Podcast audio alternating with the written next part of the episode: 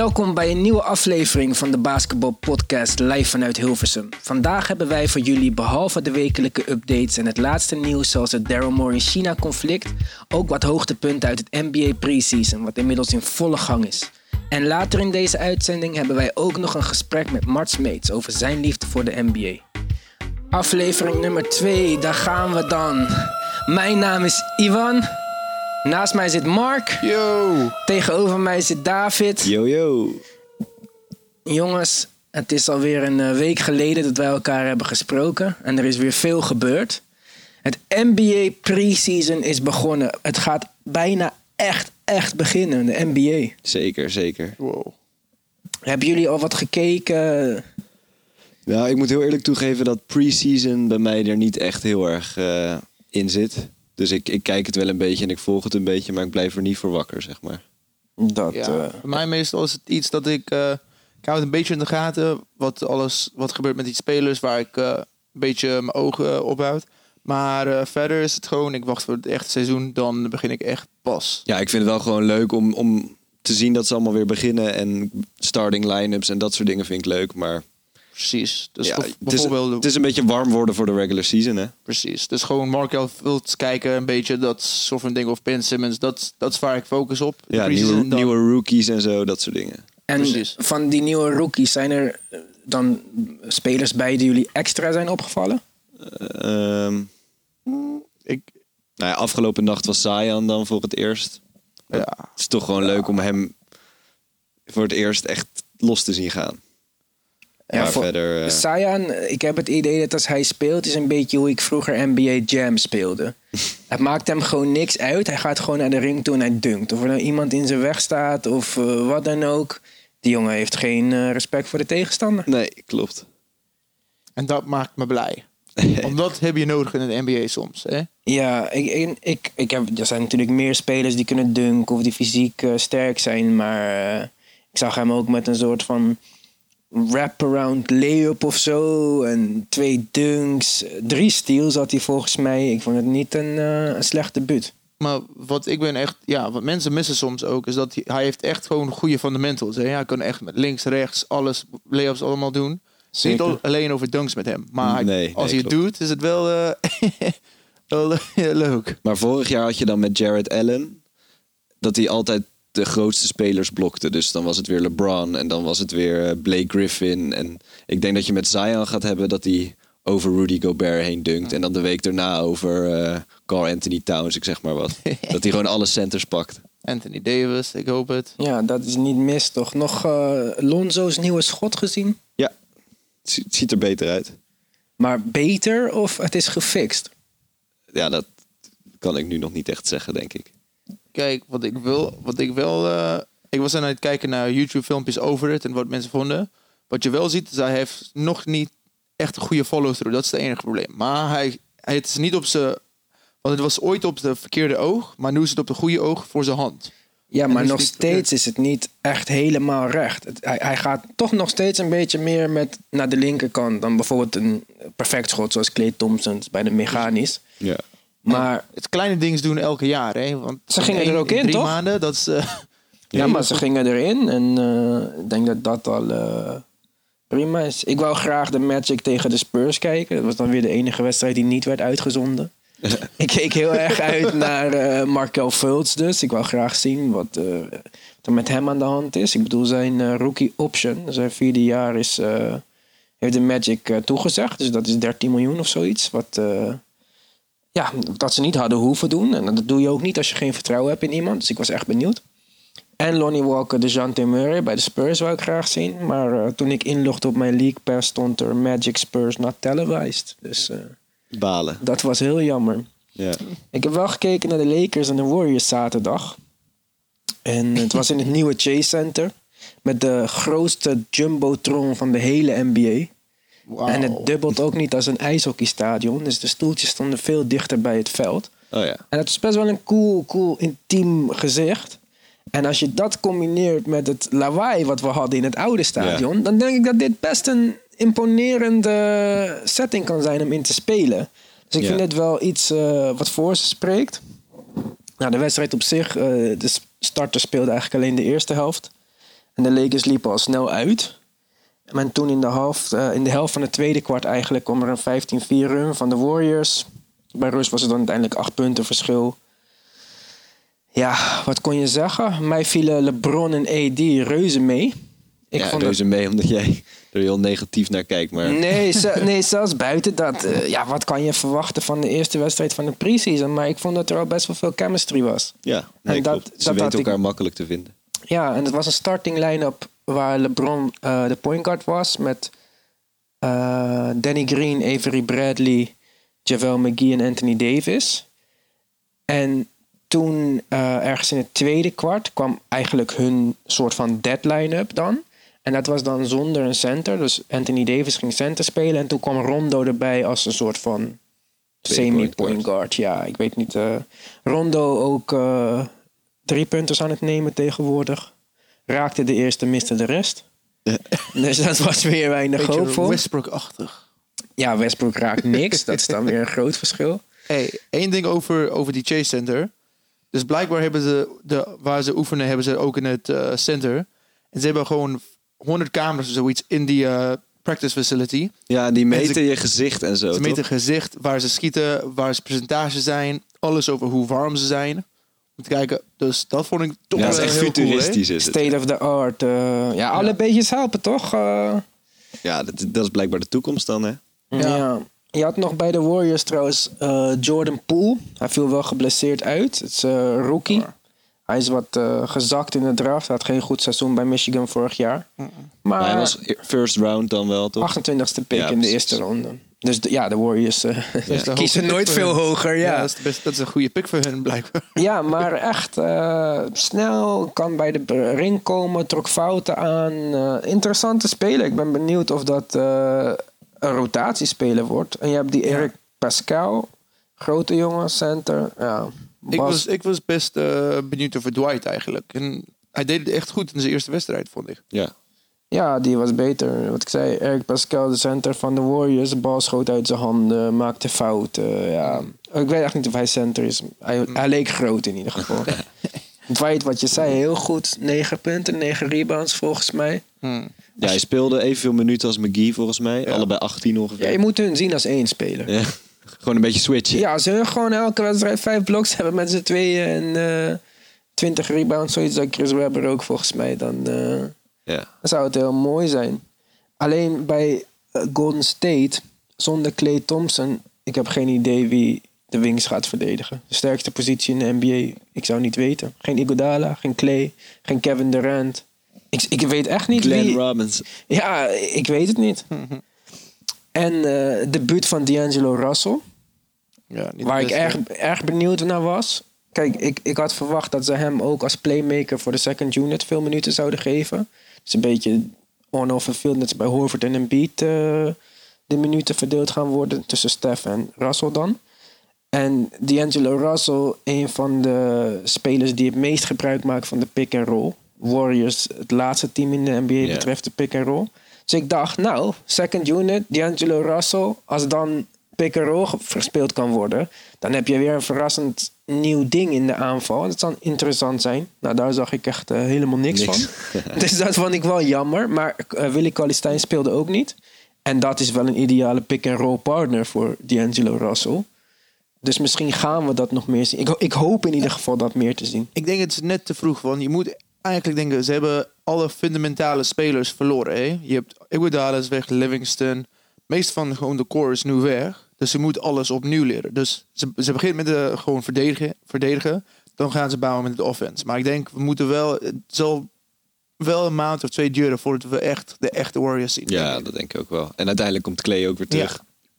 Ik denk dat, eh, dus we moeten, met de Warriors vind ik het moeilijk om wel echt gewoon eh, een mening te hebben op het gegeven moment. En de Lakers, LeBron, AD, chemistry zat goed. Iets gezien waarvan je verbaasd was? Of was het eigenlijk wat je al verwacht had? Eh, wat ik van vorige week, ik zei al, dit is gewoon LeBron met motivatie. Hij is, het lichaam is helemaal hersteld. Ik denk dit wordt een hele goede seizoen voor hun. Hè? Ja. Als ze niet te winnen, zou ik wel, eh, teleur, zou, zou, zou ik wel teleurgesteld zijn. als ik hun was. Maar ze zijn wel een soort injury prone. Hè? Want LeBron is oud en AD mist elk jaar wel 15 wedstrijden. Hm. Dus het zou me niet verbazen als het toch weer zo'n jaar wordt met blessures en dingen. En dat je dan op Avery Bradley en Danny Green moet gaan terugvallen. En dat wil je ook niet. Ja. Caruso. En Caruso. Avery Bradley eh, ontving veel eh, lovende woorden voordat het preseason begon. Iedereen zei hoe fit hij was, hoe moeilijk het was om langzaam te komen op de training. Maar, Ja, niet dat hij slecht speelde, nee, maar maar elke jaar, hij is een goede speler, maar teams met hem toen zijn minder goed. Met hem als hij aan het spelen is. Hij is Ja. gewoon niet, ja, je ziet gewoon met de Celtics, ook met Detroit. we gaan, ja, we gaan het zien. Eh, Vogel deed de uitspraak dat ze gaan focussen op defense. Nou, ik denk dat dat de eerste keer is sinds 1980 dat de Showtime Lakers het over defense hebben gehad. Ja. Dus dat is ook wel een interessant nieuw Nou ja, het is wel aspect. altijd belangrijk dat je dit, inderdaad de defense als eerste er strak in hebt. En dan kun je daarna verder bouwen aan extra dingetjes. Maar als Ik- je ja, dat- defense staat, dat is met voetbal is dat ook zo. Op het moment dat je verdediging goed staat, dan pas kan je verder bouwen met extra dingen. Ja, dat geloof ik ook. Maar LeBron de laatste jaren staat niet bekend om zijn Nee. defense. Ja, maar dit, dit is een andere... Nu moet hij wel goed verdedigd zijn. Als je kijkt naar zijn teammates, Kyrie, Kevin Love, ja, zijn geen eh, verdedigend focused spelers. Maar als je kijkt, als je keek, eh, als je kijkt naar Wade en Bosch, ze waren wel, ja, je moet wel defense zijn. Dat was de laatste keer dat hij in, all, dat hij in de all defense team is. En AD gaat sowieso zeggen, En Bradley en Danny Ja. Green. ja, hij moet wel verdedigen. En hij moet het. Ja, waarom, waarom, waarom zou je niet eh, all- een van de all, NBA, all defensive teams kunnen zijn?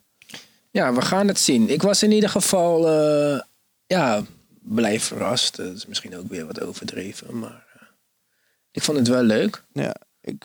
Ik had het niet direct zien aankomen, dus Ja, ze zijn wel lang en groot. Dus het ze zijn niet het grootste team, maar ze zijn wel. eh, ze hebben wel- slimme spelers. Ja, en ik vind het wel echt jammer dat de Marcus Cousins eh Nou ja. geblesseerd is. Als je die daar ook ook. nog had rondlopen, dan had je Howard niet, dat weet ik. Mm. Maar ja, Howard kan best een goed seizoen draaien. Ja, Misschien heb ik hem te vroeg afgeschreven.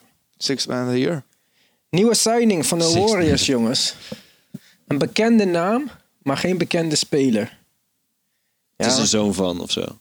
Het is een neefje van. Kevian Pippen. Echt? Oh, wow. 6'10 center, neefje van Scottie Pippen. Southern Illinois College, niet gedraft. Maar gewoon een 10-day of wat heeft hij? Volgens mij is hij... eh, ja, ik denk niet dat hij een gegarandeerd contract heeft. Maar het is wel leuk. Ja. Er is een Pippen in de NBA. Sowieso leuk. Nice. Nice. Ja, dan hadden we nog vandaag een eh, wedstrijd tussen de Houston Rockets En de Toronto Raptors. en de Toronto Raptors. Klopt. Hebben we allemaal gezien. ja, het was op eh, Ziggo Sport. was op Ziggo Sport. Dus de abonnees van Ziggo Sport eh, hebben dit allemaal kunnen, kunnen bewonderen. Met het commentaar van eh Mart Smeets. Met Mart sowieso. En eh, ja, de eerste wedstrijd van Russell Westbrook en James Harden samen. Ja, en hoeveel Nee, werd niet het? de Eh, eerste. 135, 133 of zo. Ja, gigantisch veel. Ik eh. was eh, eigenlijk niet echt teleurgesteld. Want het is de eerste wedstrijd dat Russell Westbrook aan het spelen is. Dus je moet wel. Wacht, je hebt niet echt goed kunnen trainen, hè? Als je kijkt naar alle mensen die in als eh, bijvoorbeeld Kevin Durant was een paar jaar geleden aan het eind van de off-season, net voordat hij begon weer met trainen, ging naar Rocker Park en hij ging gewoon, ja, je weet, iedereen gaat gewoon kijken en hij kreeg de bal, ja, shoot. Hij had gewoon 12 drie-point- drie-pointers na elkaar gemist. Je, je moet gewoon denken, het is het eerste begin van het seizoen. Je Ja. moet wel in je ritme komen. Dus ik was, ik was blij dat hij gewoon doorging met, met schieten. En ik dacht, ze deden het wel oké samen. Het is niet helemaal perfect, maar ik zie wel, ja, wel potentie is. Wat denk jij, David? Ja, ik vond het lastig. Ik denk niet dat Ivan in ieder geval blij is dat Westbrook is door blijven schieten. Nee, eh, Ik had het niet verwacht gewoon. Ik dacht, ja, ik, kijk, kijk, jullie weten mijn mening over Westbrook. Iedereen die mij kent weet mijn mening over Westbrook. En in de vorige podcast was mijn mening iets wat aan het bijdraaien. Ik dacht, nou, ja, nu ben je weer heel snel omgedraaid. ja, Westbrook in het systeem, oké. En ik zie deze jongen gewoon weer zes driepunters nemen, allemaal missen. Ja, maar het is wat hij net zei. Het is echt letterlijk de eerste keer dat hij weer een bal in zijn hand heeft. Ja, maar eerst kijk, ik, ik snap het punt. Ik snap dat het ook nog beter gaat worden. Misschien wordt het heel goed en ben ik allemaal weer te voorbarig. Dat zou allemaal kunnen. Maar je zou toch denken... Je had gewoon een andere speelstijl verwacht. Ja, want je zou toch denken, oké, hij gaat wel spelen, maar ze hebben toch al getraind. Hij heeft toch al opdrachten gekeken. Ze hebben toch al samen video gekeken. Ze Ja, hebben toch over basketbal gepraat. En ik zag gewoon niks anders. En dat vond ik gewoon apart. Het, want het was niet eens dat je denkt van, nou oké, ik zag hem wel zijn spelletje lopen, maar dan af en toe nam hij zijn schot, wat hij altijd deed. Hij, hij had gewoon de bal, hij, hij speelde buiten de aanval om. Ja. Dat vind ik wel. eh, Uh, ik denk, het is wel gewoon een moeilijke paar dagen geweest voor het team, overal. Dus ze waren niet, ze wisten niet wat allemaal zou gebeuren. Dus we gaan niet eh, verder in, maar ik zou denken, het is niet de beste manier om te, om te focussen in de eerste paar dagen van preseason. Nee. Dus dat is, niet, dat is ook niet handig. Je moet gewoon even de tijd geven, want ja, het Mike D'Antoni heeft nooit met Westbrook gewerkt. Dus hij moet ook even zien hoe het werkt met het nu. Hoe het, en dan gaat hij gewoon een plan maken. Je, je moet wel gewoon met...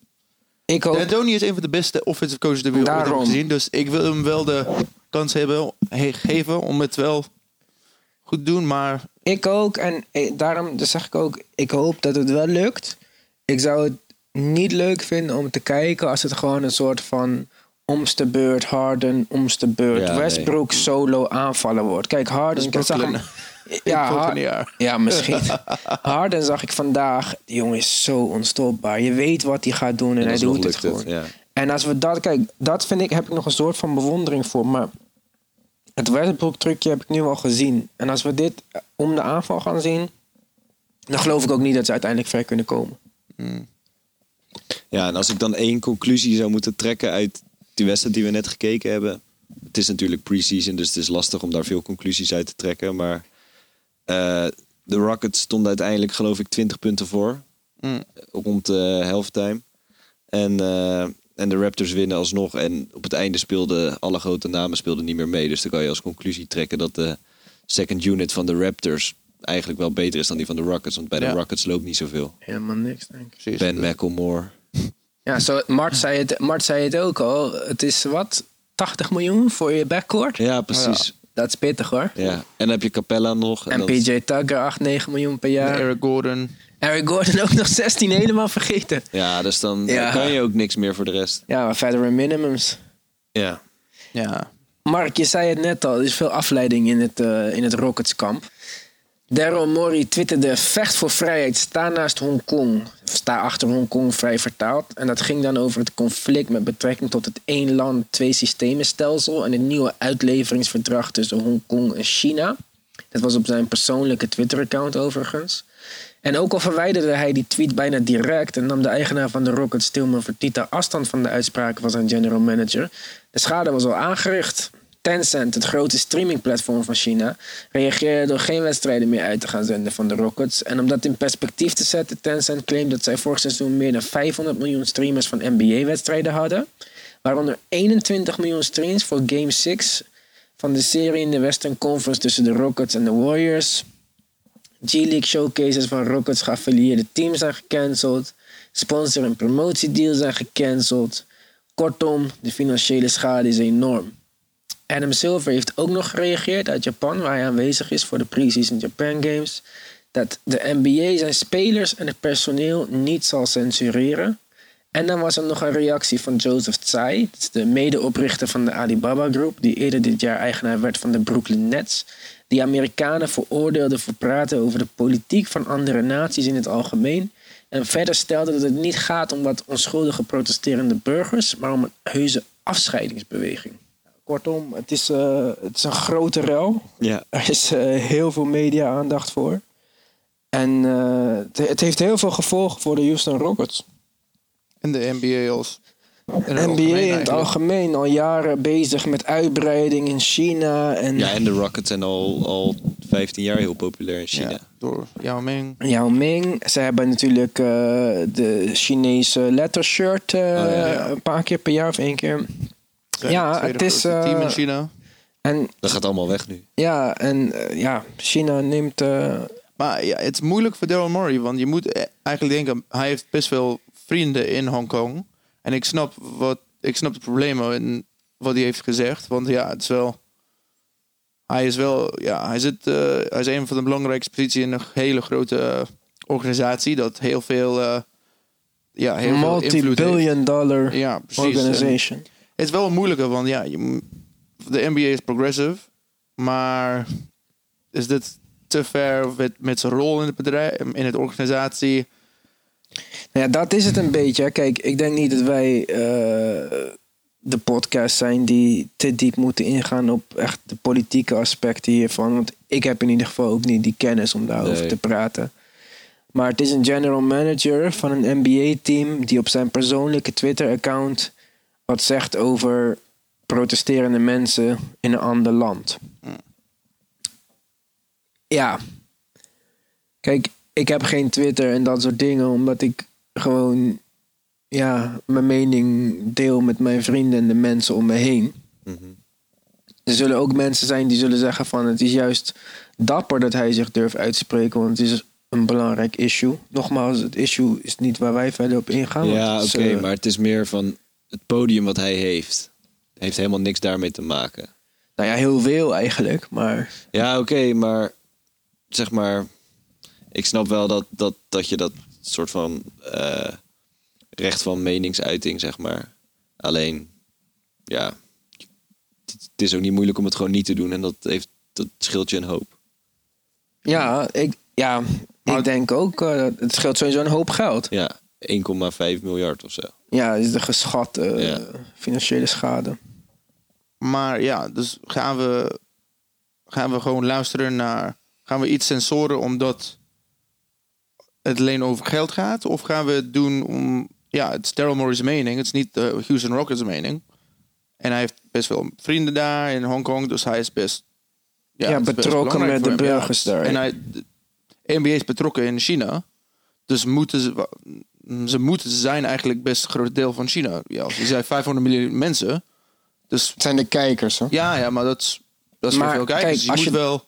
Ja, maar als je het dan weer zegt, kijk, die, als je ziet dat die jo Joseph Tsai, ja, Chinese, man van Chinese afkomst, eigenaar van een team in deze NBA, waar een van zijn collega's eh, een uitspraak doet, die zegt dus van, eh, luister, eh, jullie weten eigenlijk helemaal niet wat er aan de hand is en je moet er helemaal niet over praten als je niet weet waar het over gaat. Maar hij is, hij, Hongkong is echt belangrijk voor zij. Want als problemen voorkomt, is Alibaba op de, op de Hongkong Stock Exchange. Ja. Dus dat is wel ook een probleem. En Denk je dat zijn... Dat nee, zijn nee, maar het zou... Ik zeg dat niet de, pro- de reden is, maar dat is wel... Moet over nadenken. En het... Iets wat kan meespelen, bedoel je? Het In, zou wel kunnen meespelen. En ja, hij zegt nooit iets op Facebook of wat. En dan ineens zegt hij allemaal voor dingen de Brooklyn Nets. Ja, het was een lange verklaring, Dat was eh. best... eh, die zoveel eh, ging zeggen. Maar hoe je het om... Het, je kan, ja, wat, wat moet je doen? Mag je niks zeggen? De NBA, dat is wel een hele moeilijke plek voor de NBA. Want ja, wat gaan ze doen? Als, ze als ze als problemen, als ze gewoon zeggen dat Terror Mooi weggaat, moet weg, dan krijgen ze problemen in Amerika. Als ze zeggen dat hij moet blijven, krijgen ze problemen in China. Ja. Dus ze kunnen eigenlijk niet winnen. En Ja. je zag dat de Chinese, ehm, dat ze deden gewoon een newsletter of hoe is het, eh, statement. En in de Engelse, Amerikaanse zei het, eh, we stand with Murray, but we understand why we've Ja, het is regrettable. it's regrettable, but we understand and we understand we've hurt people, but we Murray is allowed to do his things uh, because we're progressive league. Maar dan kijk je ook naar die ene dat was. uh, Ja, de vertaling in China was China. dat ze het regrettable vonden dat hij überhaupt iets had Ja. gezegd. Dus je moet denken, ja, wat, ja, Ja, kijk, nogmaals, ik denk niet dat wij het platform zijn om over politiek te praten. Ik vind het wel. eh, het, het, het is nu echt een big issue. Normaal denk ik niet dat wij hierover zouden praten. Over, Nee, maar nu is het inderdaad wel grootschalig. Ja. Ja, en dan denk ik van. ehm, had Adam Silver. Want hij, hij zegt wel: we gaan spelers niet censureren. We gaan personeel niet censureren.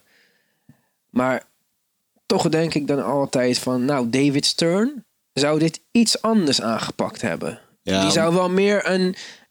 Ja, kijk, door ook weer zo'n houding, niet een houding aan te nemen. Kijk, als, als Adam Silver zegt: jongens, wij zijn de NBA, wij zijn Amerika, wij zijn democratie.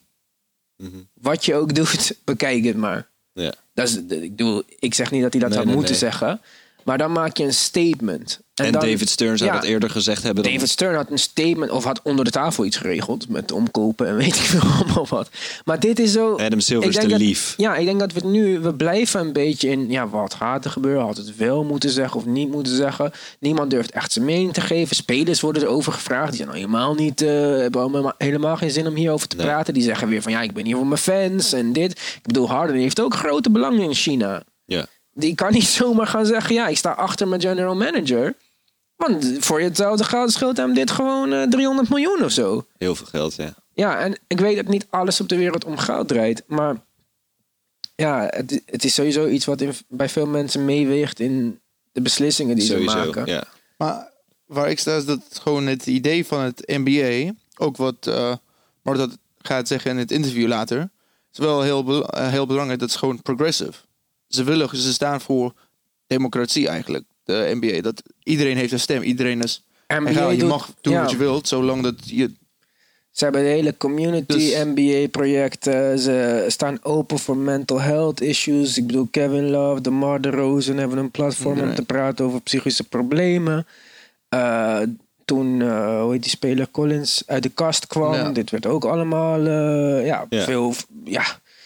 Je, je zou bijna zeggen, ik wou zeggen normaler, maar het hoort natuurlijk normaal te zijn dat je mensen accepteert om wie ze zijn. Ja. Maar het werd wel beter opgepakt dan misschien in een voetbalcompetitie zou Sowieso. Voetbal wo- worden dat soort dingen nog steeds niet geaccepteerd. Nee, bij American voetbal zitten nog steeds eh, spelers op een knie. En dat soort dingen hebben we allemaal niet in de NBA. Nee, Het is wel een spelers league ook een beetje. zeker. Ja, ik vind het, eh, ik vind het een moeilijk onderwerp, maar wij zullen het eh, verder volgen en jullie op de hoogte houden als, we, als er nieuwe ontwikkelingen zijn. Ja. Mhm. Ja, het is, het is- ik, ben, ik ben blij wat nu gebeurt. Het, gewoon, het is een soort van niks. We hebben problemen gekregen, maar Daryl Morey is er nog steeds. Want dit is wel een goede punt voor het league. Hè? En wat gaat gebeuren, we zullen zien. Maar ik denk het was wel moeilijk voor de Rockets deze week. En daarom hadden ze. Je merkte wel, het is gewoon. Ja, alle vragen in die pers- Ja, bijna alleen maar ging het over. daarover. Persconferentie waarin eh Russell Westbrook een hele mooie ja, Rode. pyjama-achtige sensei-ding aan had. En James Harden kwam gewoon in nee, samurai-achtig. Hè? Samurai-achtig, ja. James Harden kwam gewoon in een echte pyjama. Die eh, dacht... eh, Ja. Dinsdag, nee, donderdag hebben we nog een wedstrijd. Yes, de Lakers tegen de Nets. En die is in... Oh, ik dacht eigenlijk ook Tokio. Is het ook in Tokio? Ja, zou goed kunnen. Ik, Ik weet niet of dat anderhalf uur later is dan vandaag, maar Dat in India. Ja, dus die wedstrijd begint dan om eh, half twee. half twee. Dus Dat middags. Ook op Ziggo, toch? Ziggo Sports, middags half twee. ben benieuwd, eigenlijk. Wie gaat winnen in die wedstrijd, denken jullie? Of, Lakers, denk ik. ja, eigenlijk, we moeten niet zeggen winnen, want het is pre-season. Maar waar kijken jullie naartoe, oh, naar op in die wedstrijd? Voor de Nets zullen we beginnen. Ja, de Nets. Ik, ik, ik weet niet wat... Zo gewoon met Speelt Kyrie, of Ja, niet? dat Met zijn masker. Hij heeft weer zijn Ja. gezicht gebroken voor de is wel 200 leuk. keer. Kyrie tegen LeBron, dat is dan ook altijd wel weer leuk. Ja, Ja, maar die zijn nu goed, hè. Want uh, Ja, Kyrie weet heeft ik, hem maar dat kan ook leuk zijn. ja maar als- point, point guard tegen point guard, hè? Ja, ik denk niet dat ze elkaar gaan verdedigen. Dat eh, geloof Ja, waar kijk ik uit bij de, naar uit bij de Nets? Is ik wil graag zien dat Wie Jared star- Allen ja, start. Wie de starting center Alsjeblieft. is, ja. Alsjeblieft, laat Jared Allen starten. Wie is eigenlijk de net starting five nu? Dus je hebt Kyrie, Levert. Levert, Dimwitty. Nee, nee, die starten. Oh, is in de bank. Maar dan wie is hun eh, vier? Is dat we zien? Torian Prince. Torian Prince, denk ik. Ik hoop dat hij vier gaat spelen die- in ieder geval. die persoon die de three point contest had gewonnen? Joe, Joe Harris, small Precies. forward. Ja. Ja. Staat hij? Wie is, ja, misschien is het wel. eh, Ik denk dat uh, Kyrie. Torian Prince power forward is. en dan Joe Harris, small forward. Ja, Ja. ja, je- Levert, ja. shooting guard. Jared Allen, center. Maar ja of, ik, of die andere Jordan. Ah, kan toch niet. ik ben echt benieuwd over Kyrie. Hè? Ik denk het gaat zes maanden goed, maar ik weet echt niet hoe, als hij blij zal zijn. Na zes maanden. Dat is het enige probleem met Ja, je, Kyrie. weet het, je weet het niet met hem, nee. Klopt, maar ik denk dat, die- ik denk dat het wel leuk gaat zijn. Kyrie in Brooklyn is wel een cool gezicht. Hij in dat eh, zwarte shirt Ja, met precies. En- Brooklyn en- en- erop. Hij is een straatbasketballer. Tenminste, hij is niet een straatbasketballer. Nee, maar hij is een. Uncle Drew is. Ja, Uncle Drew. En dat in Brooklyn. Ik denk dat het wel leuk wordt. Ik, eh, ja, ik ben niet de grootste fan van hem. Maar eh, Ik vind het altijd wel heel leuk om naar hem te kijken. Ja, in ieder geval, Fijn voor het oog. ja, ik denk dat hij ook daar beter past dan bij de Boston Celtics. Mm. Daar speelt veel pick and roll. Hij wil pick and roll spelen. Hij wil vaak de bal hebben. Prima. Laten we kijken. Ik, ik sta hier voor, meer voor open. Ik, had dit, ik geloof meer in dit. Dan dat hij naar de Spurs was gegaan. Of, zo. Ja, of maar een dat team dat ook- hij weer in een systeem moet spelen. Laat hem maar dit doen. Hij is echt goed in dit. En eh, hopelijk wordt hij gelukkig. En als hij gelukkig is, dan zal dat voor ons ook een stuk leuker zijn om naar te kijken, denk ik zo. Ja. Nou, ik denk ook de coach, hè, dat is belangrijk. Als hij, als hij onder pop, zou- pop zou spelen, iemand met vijf rings, dan moet je wel luisteren. Want Kyrie, ja, ik denk dat hij slim is, maar ja, hij is een soort van nep leader. Hè? Hij, hij zegt gewoon Zo, dat- jij hebt geen zin in Kyrie. Nee. eh. Nee, echt niet. Ja. dit evenaart bijna mijn eh, Russell Westbrook. eh, ja. ja. Nee, maar Kyrie heb je gewoon een paar jaar gezien dat hij gewoon ineens twee maanden niet met zijn team, eh, teammates gaat spreken of gewoon praten. Hij Ja, zegt dan- nu dat dit te maken heeft met het overlijden Ja. van zijn opa. Acht maanden later zeg je het pas. Maar niemand in een organisatie, wist dat hij gewoon een beetje problemen Ja. had. Of, Ja, maar niet alleen dat. Het is al de vierde keer dat hij een verklaring heeft gegeven Ja, over hetzelfde een verklaring feit. voor alles. Oké, ja, prima. Ja, ik, ik weet het ook niet met hem hoor. Ik, ik zeg je eerlijk. eh. Aarde is plat. eh, het is Ja, een beetje rare too dingen, much maar- allemaal. Het is gewoon de Duke way, hè? Alle Duke-spelers zijn een beetje zo. Nou, Ze weten precies wat ze moeten zeggen voor alles. Grant Ja. Hill was eh, best wel oké, toch? Ja, ja, beetje, maar... Je ziet be- best veel van die Duke-spelers zijn een beetje... ugh. ze weten precies wat ze moeten zeggen. Ze zeggen alles. oh. Je moet allemaal van de interviews kijken naar de Duke-games, hè? Dan weet je het meteen. Ja. Ja. Gaan we kijken. David, Yo. waar kijk jij uit, naar uit? Heb je nog spelers eh, die je deze week gaat zien? Wat je denkt, ja, ja, eindelijk. Eh, nou, zo specifiek weet ik het niet. Maar zoals we net zeiden, Lakers Nets eh, donderdagmiddag. Die ga ik sowieso kijken. En eh, ja, nee, verder niet echt specifiek dingen waar ik heel erg... Ja, ik kijk uit naar de start van het seizoen. Maar Ja, ik dat duurt nog wel even. 22e toch? Ja, geloof ik wel, maar dat durf ik niet zeker te zeggen. Zo een beetje in de buurt. Ik vind het wel leuk dat we in ieder geval iets kunnen kijken. Ik ben ook niet verplicht om het te volgen, maar... eh, Nee. en dat we het gewoon ook op de Nederlandse tv kunnen volgen. ja, dat is wel... Overdag. is niet zo slecht. Ja, mensen Dat die ja. eh, even een dagje vrij zijn van werk of eh, school skippen... kunnen gewoon uh, Nee. Sport aanzetten. Of Ziggo Go hebben, kunnen dit gewoon volgen. Tijdens de les kan ook gewoon. Pardon. Maar ik was, eh, ik was blij met John Morant de eerste wedstrijd ook. Dat moet ik wel zeggen, hè? Niet gezien. Nee, maar Het wa- gaat, eh, was niet tegen NBA-team, toch? Nee, maar nogmaals. Ja. Belangrijk, hè? Eerste wedstrijd, hè? Ja, alsof- die tel ik al helemaal niet mee. Ik nee, als het moet wel tegen NBA. Want die, ik heb die scores gezien. ja, eh, die, dit, daar kijk ik ook geen eens ja. highlightjes van. Ik ook, eigenlijk. Ah, Oké, oké, oké. Maar Nee, dus het is natuurlijk is een goede speler. wat ook grappig was... Of willen we even over, over Zion praten? Hoe, eh, dat hij echt niet zo lang is. Allemaal van die nieuwe metingen, nou ja, dat was wel grappig. Dat is wel ik. interessant, ja. Want Ja. de NBA heeft dit jaar alle teams verplicht om hun spelers opnieuw te meten. Vroeger werden NBA-spelers gemeten met hun schoenen aan. Dus ja, dan hing het er eigenlijk een beetje vanaf wat voor schoenen had, hoe lang je echt was.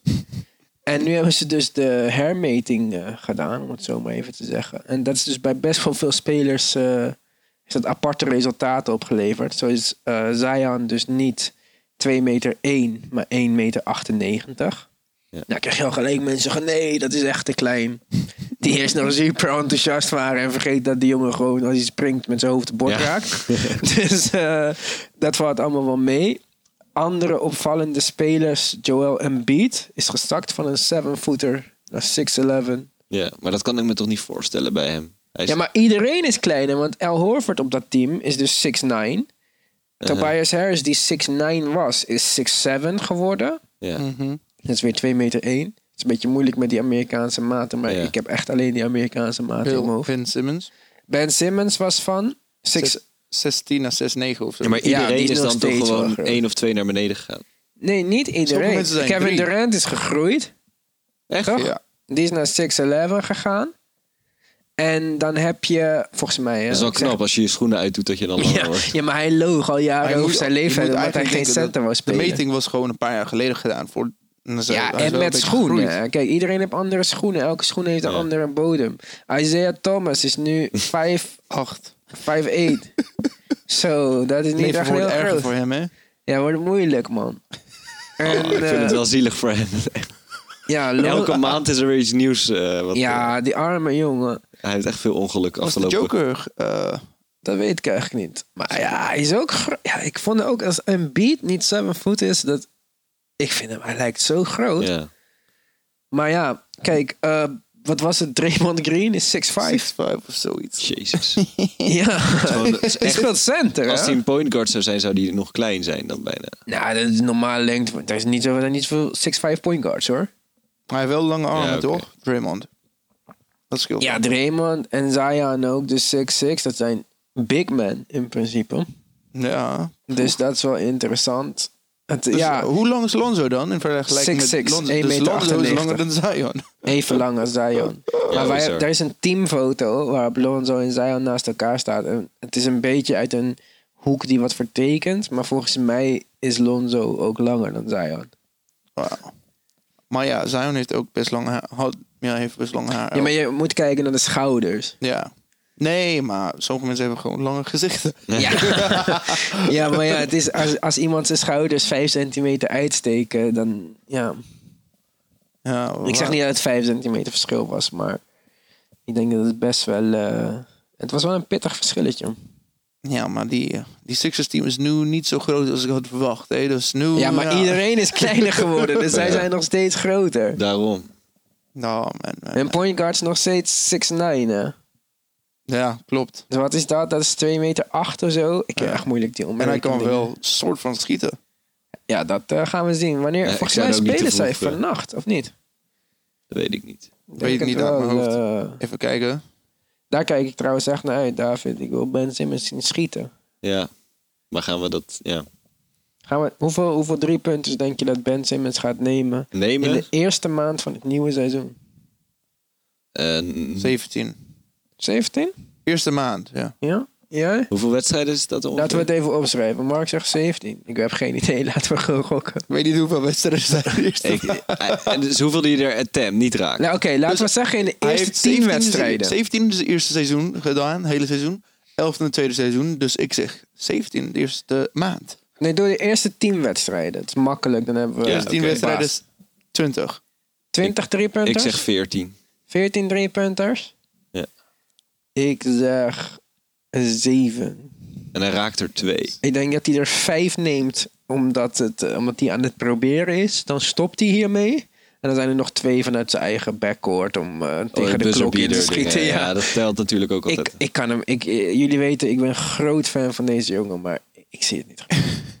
Het schieten, neem ik Ja, aan. niet Ja. dat hij het niet kan, want zijn beweging is oké. als eh, sommige mensen zeggen, zoals Kevin O'Connor van de Ringer, dat hij eigenlijk rechtshandig ja, is en ja. dat hij helemaal niet met links zou moeten schieten. Maar eh, ja, we gaan het zien. Betere vraag. Hoeveel, hoeveel eh driepunters gaat Markel Fultz maken in de eerste 10 wedstrijden? Maken. Ook, oh ja, maken, maken, maken. Hoeveel heeft hij er geschoten in de oefenwedstrijden? Eh, ja, ik weet niet. Dat is een hele goede vraag. Volgens mij had hij er wel wat genomen. Volgens mij had hij ze wel gemist. Marco Fultz, ik weet het niet. Zijn schotbeweging ziet er nog steeds raar uit. Ja. Zijn balhandeling, hoe die in de paint komt, allemaal mooi. Maar eh, ja, het is een speler waar ik zeker... Ik wil hem zeker graag zien. Ik denk zeker dat er... Ja, ik, ik kan me niet voorstellen...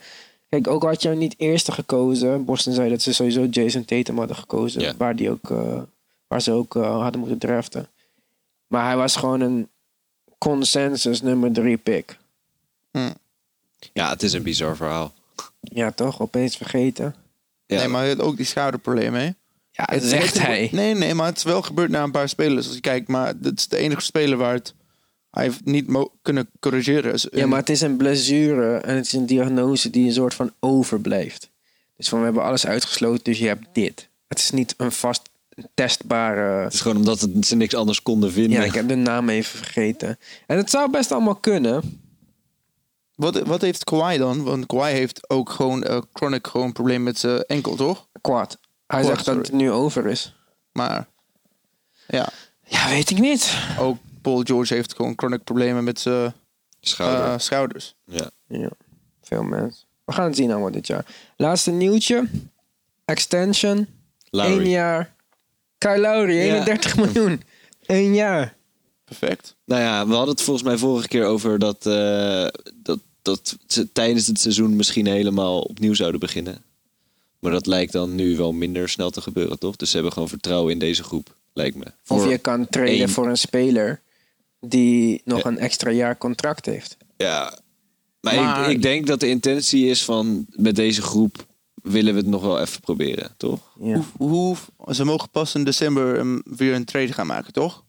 Als, omdat hij een extension heeft eh, getekend als het goed is. Ja. Ja. Dus mis- misschien wel, in, misschien wel bij, voor de trade deadline zullen, zullen ze hem wel traden. Want anderhalf jaar contract is best veel. Voor, want je ziet, er zijn best veel teams die misschien een po- point guard missen.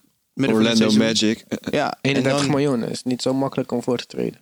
Ja, Nee, maar... dat is wel waar.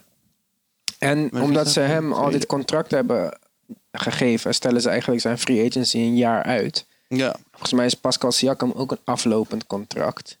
En daar hebben ze nog geen extensie mee eh, Nee. over. Of ze hebben wel overleg gepleegd, maar nog niet een, eh, iets getekend.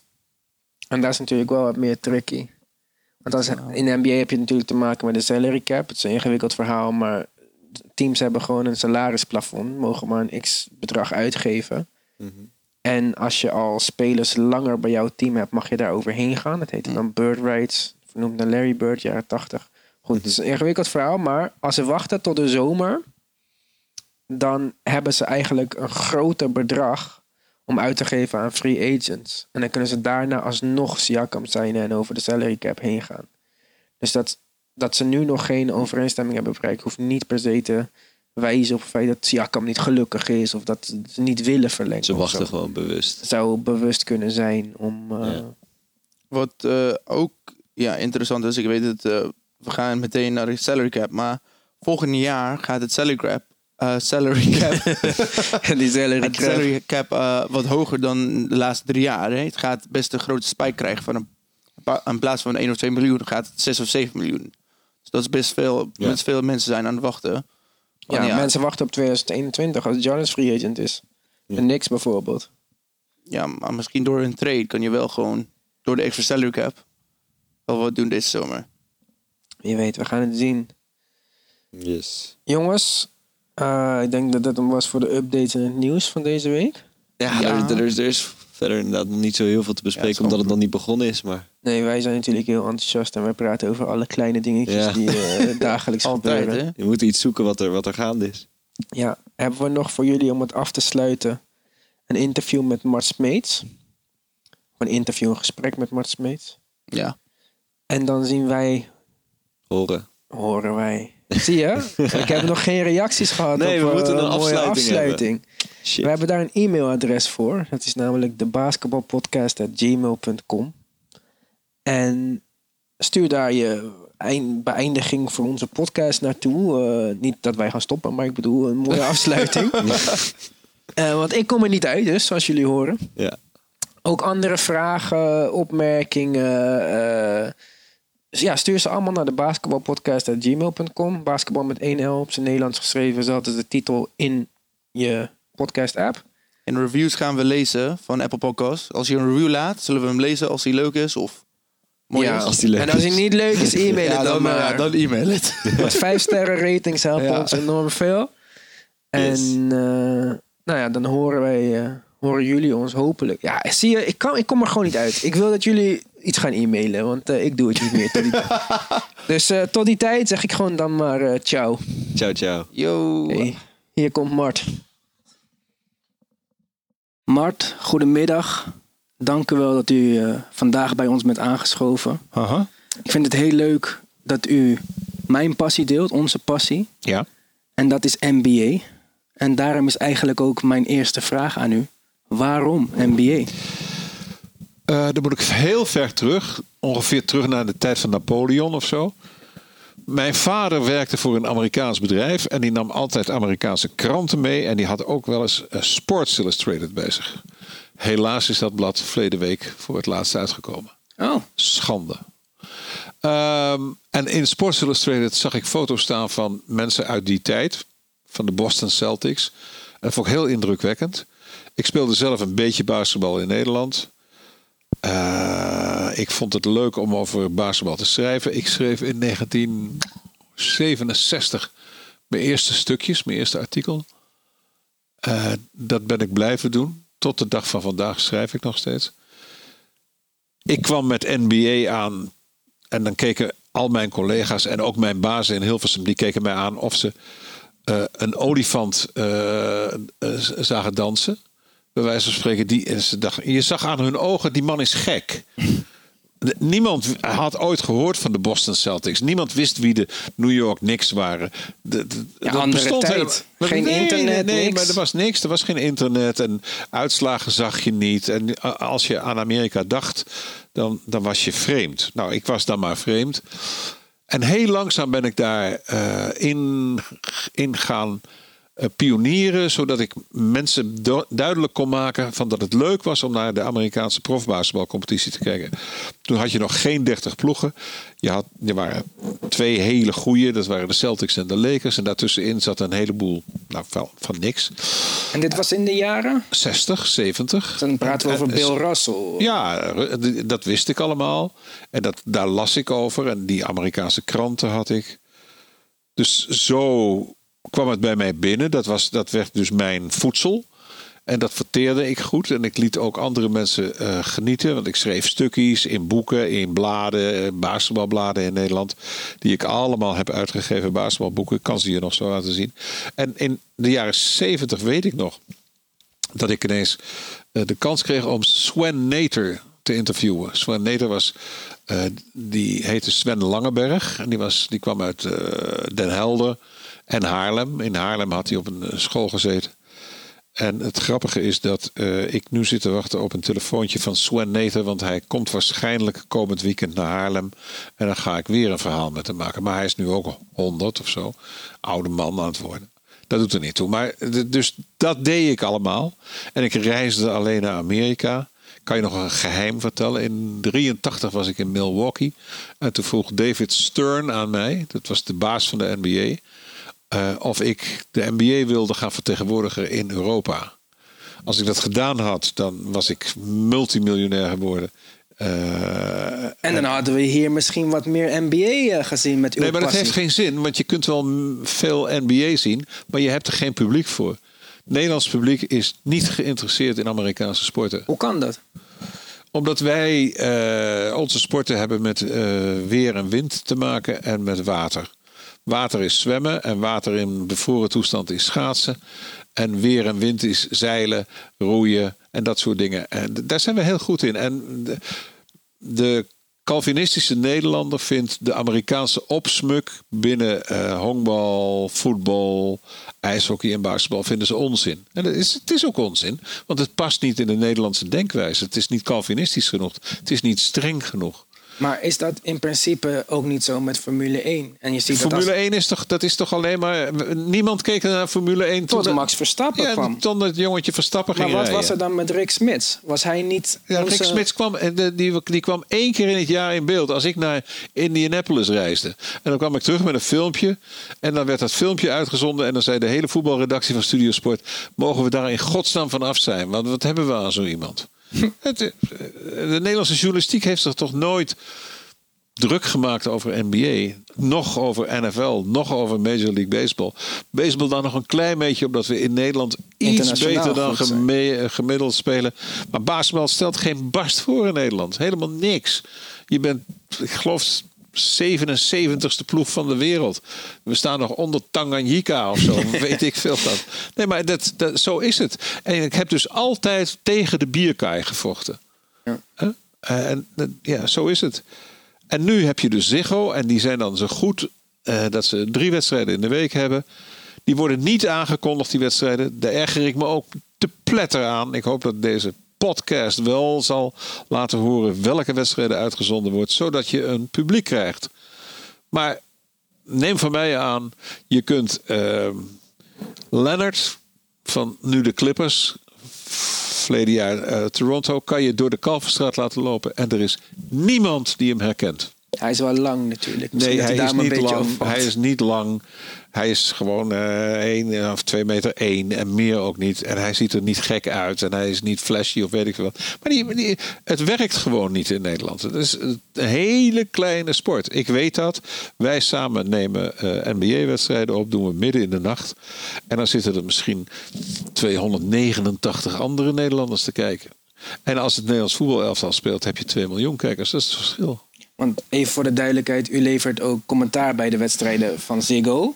Dat hebben ze me gevraagd en dat vond ik leuk. Want ik, ik ben dus gepensioneerd. Ik ben weg bij de NOS. Ik hoef geen filmpjes meer te maken. Ehm, en ik, ik, ik zit nu eh, met jou, zit ik s'nachts.